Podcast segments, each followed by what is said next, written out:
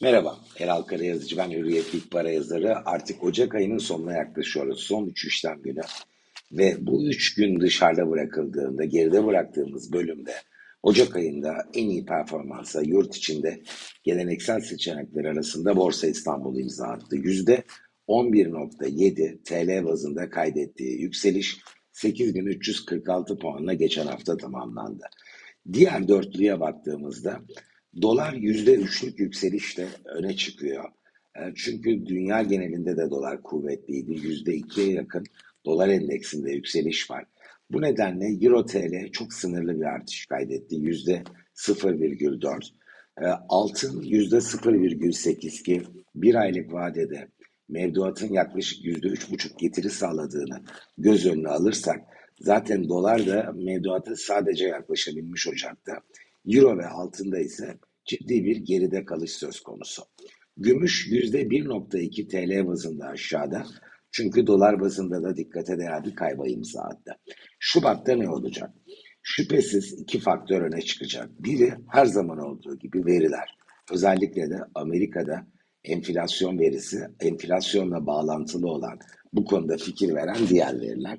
İkincisi de Merkez Bankası'nın 31 Ocak'ta ayın son gününde toplantı sonrası ortaya koyacağı tablo.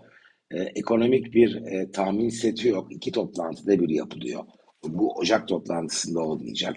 Fakat Başkan Powell'ın özellikle basın konferansındaki değerlendirmeleri fiyatlar üzerinde, dış iklim üzerinde etkili olacak. Borsa İstanbul'la başlayalım. Gerçekten geçen yılın sonunda BIST risk almak adına teşvik edici bir noktadaydı. Fiyatlarda dikkate değer bir geri çekilme olmuştu. TL bazında 7200 puan civarına kadar gerilemişti endeks. Şu an 8300'ün üzerinde. Dolar bazında bakarsak da yine 250 doların altını görmüştü. Son kapanış 275 dolarda. Ee, burada hürriyet e, içeriğinde ben elimden geldiğince bu fırsata risk almak adına piste şartların teşvik edici olduğuna dikkat çekmiştim. Ee, henüz hisse senedi yatırımlarında bir kar realizasyonu için e, bence e, zaman yaklaştı diyemeyiz. Bunun için erken. E, ben Şubat ayında da Borsa İstanbul'da yukarı yönlü seyrin sürme ihtimalini daha yüksek buluyorum. İlk iyimser karamsar kavgasına sahne olabilecek adres TL bazında zirve olan 8550 puan belki biraz daha üzeri. Ee, ama e, bu seviyeyi belki Şubat'a kalmadan gelişmelere bağlı olarak bu önümüzdeki 3 gün içinde dahi görmesi mümkün olabilir. Ee, bunu bir kenara bıraktığımızda ben Mart, Nisan değil biraz daha vadiyi geniş açıyla e, masaya yatırdığımda 300 e, dolara yaklaşabileceğini düşünüyorum Borsa İstanbul'un. 295-300 dolar bandı diyelim biz buna. Kabaca TL bazında ileriye dönük vadeli piyasadaki dolar TL kurlarını da dikkate alarak e, bunu paylaşıyorum. 9400-9900 arası bir seviyeyi yılın 3. veya 4. ayında borsa test etme potansiyeli taşıyor. Peki tek rota yukarı mı? Elbette değil. Aşağı yönlü geri çekilmeler rahatlıkla olabilir. Ee, ve olası geri çekilmelerle de 8100 puan civarının ben dikkate değer bir destek e, konumunda olduğu görüşündeyim. Diğer cephelerde neler olabilir? Değerli metallerin ben Şubat ayını e, pozitif bir seyirle geçirme ihtimalini her ne kadar verilere bağlı olsa da daha yüksek buluyorum.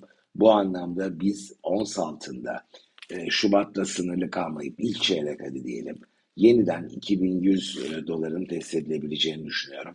Bu 2026 dolar olan cari fiyata göre %3'lük bir potansiyeli ortaya koyuyor. Gümüş daha kuvvetli bir atak yapabilir. 23 e, doların altında şu anda işlemler 22.9 seviyesinden geçiyor. Ben ilk çeyrekte veya bir aylık bölötarla Nisan ayının e, sonuna kadar olan kesitte gümüşün de 25 dolara yaklaşabileceğini düşünüyorum ki bu yüzde ona yakın e, daha güçlü bir potansiyeli ortaya koyuyor.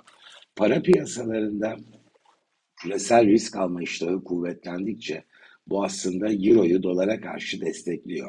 Bu anlamda da e, yılın ilk ayında gördüğümüz Euro dolarda aşağı yönlü hareketin önümüzdeki iki aylık kesitte e, yerini tersi bir akıma ve Euro'nun yeniden kuvvetlendiği, öne çıktığı bir seyre bırakması e, daha olası. Fakat çok keskin, çok kuvvetli hareketler görmemiz zor.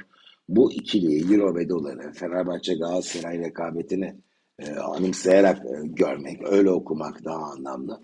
Ama öyle 6-0'lık maçlar olmuyor bunların arasında kolay kolay. %2'lik, üçlük hareketler olabilir. Bu anlamda önümüzdeki özellikle 4-5 e, haftalık kesitte Euro'nun bir parça daha öne çıkması şansı daha yüksek senaryo olarak öne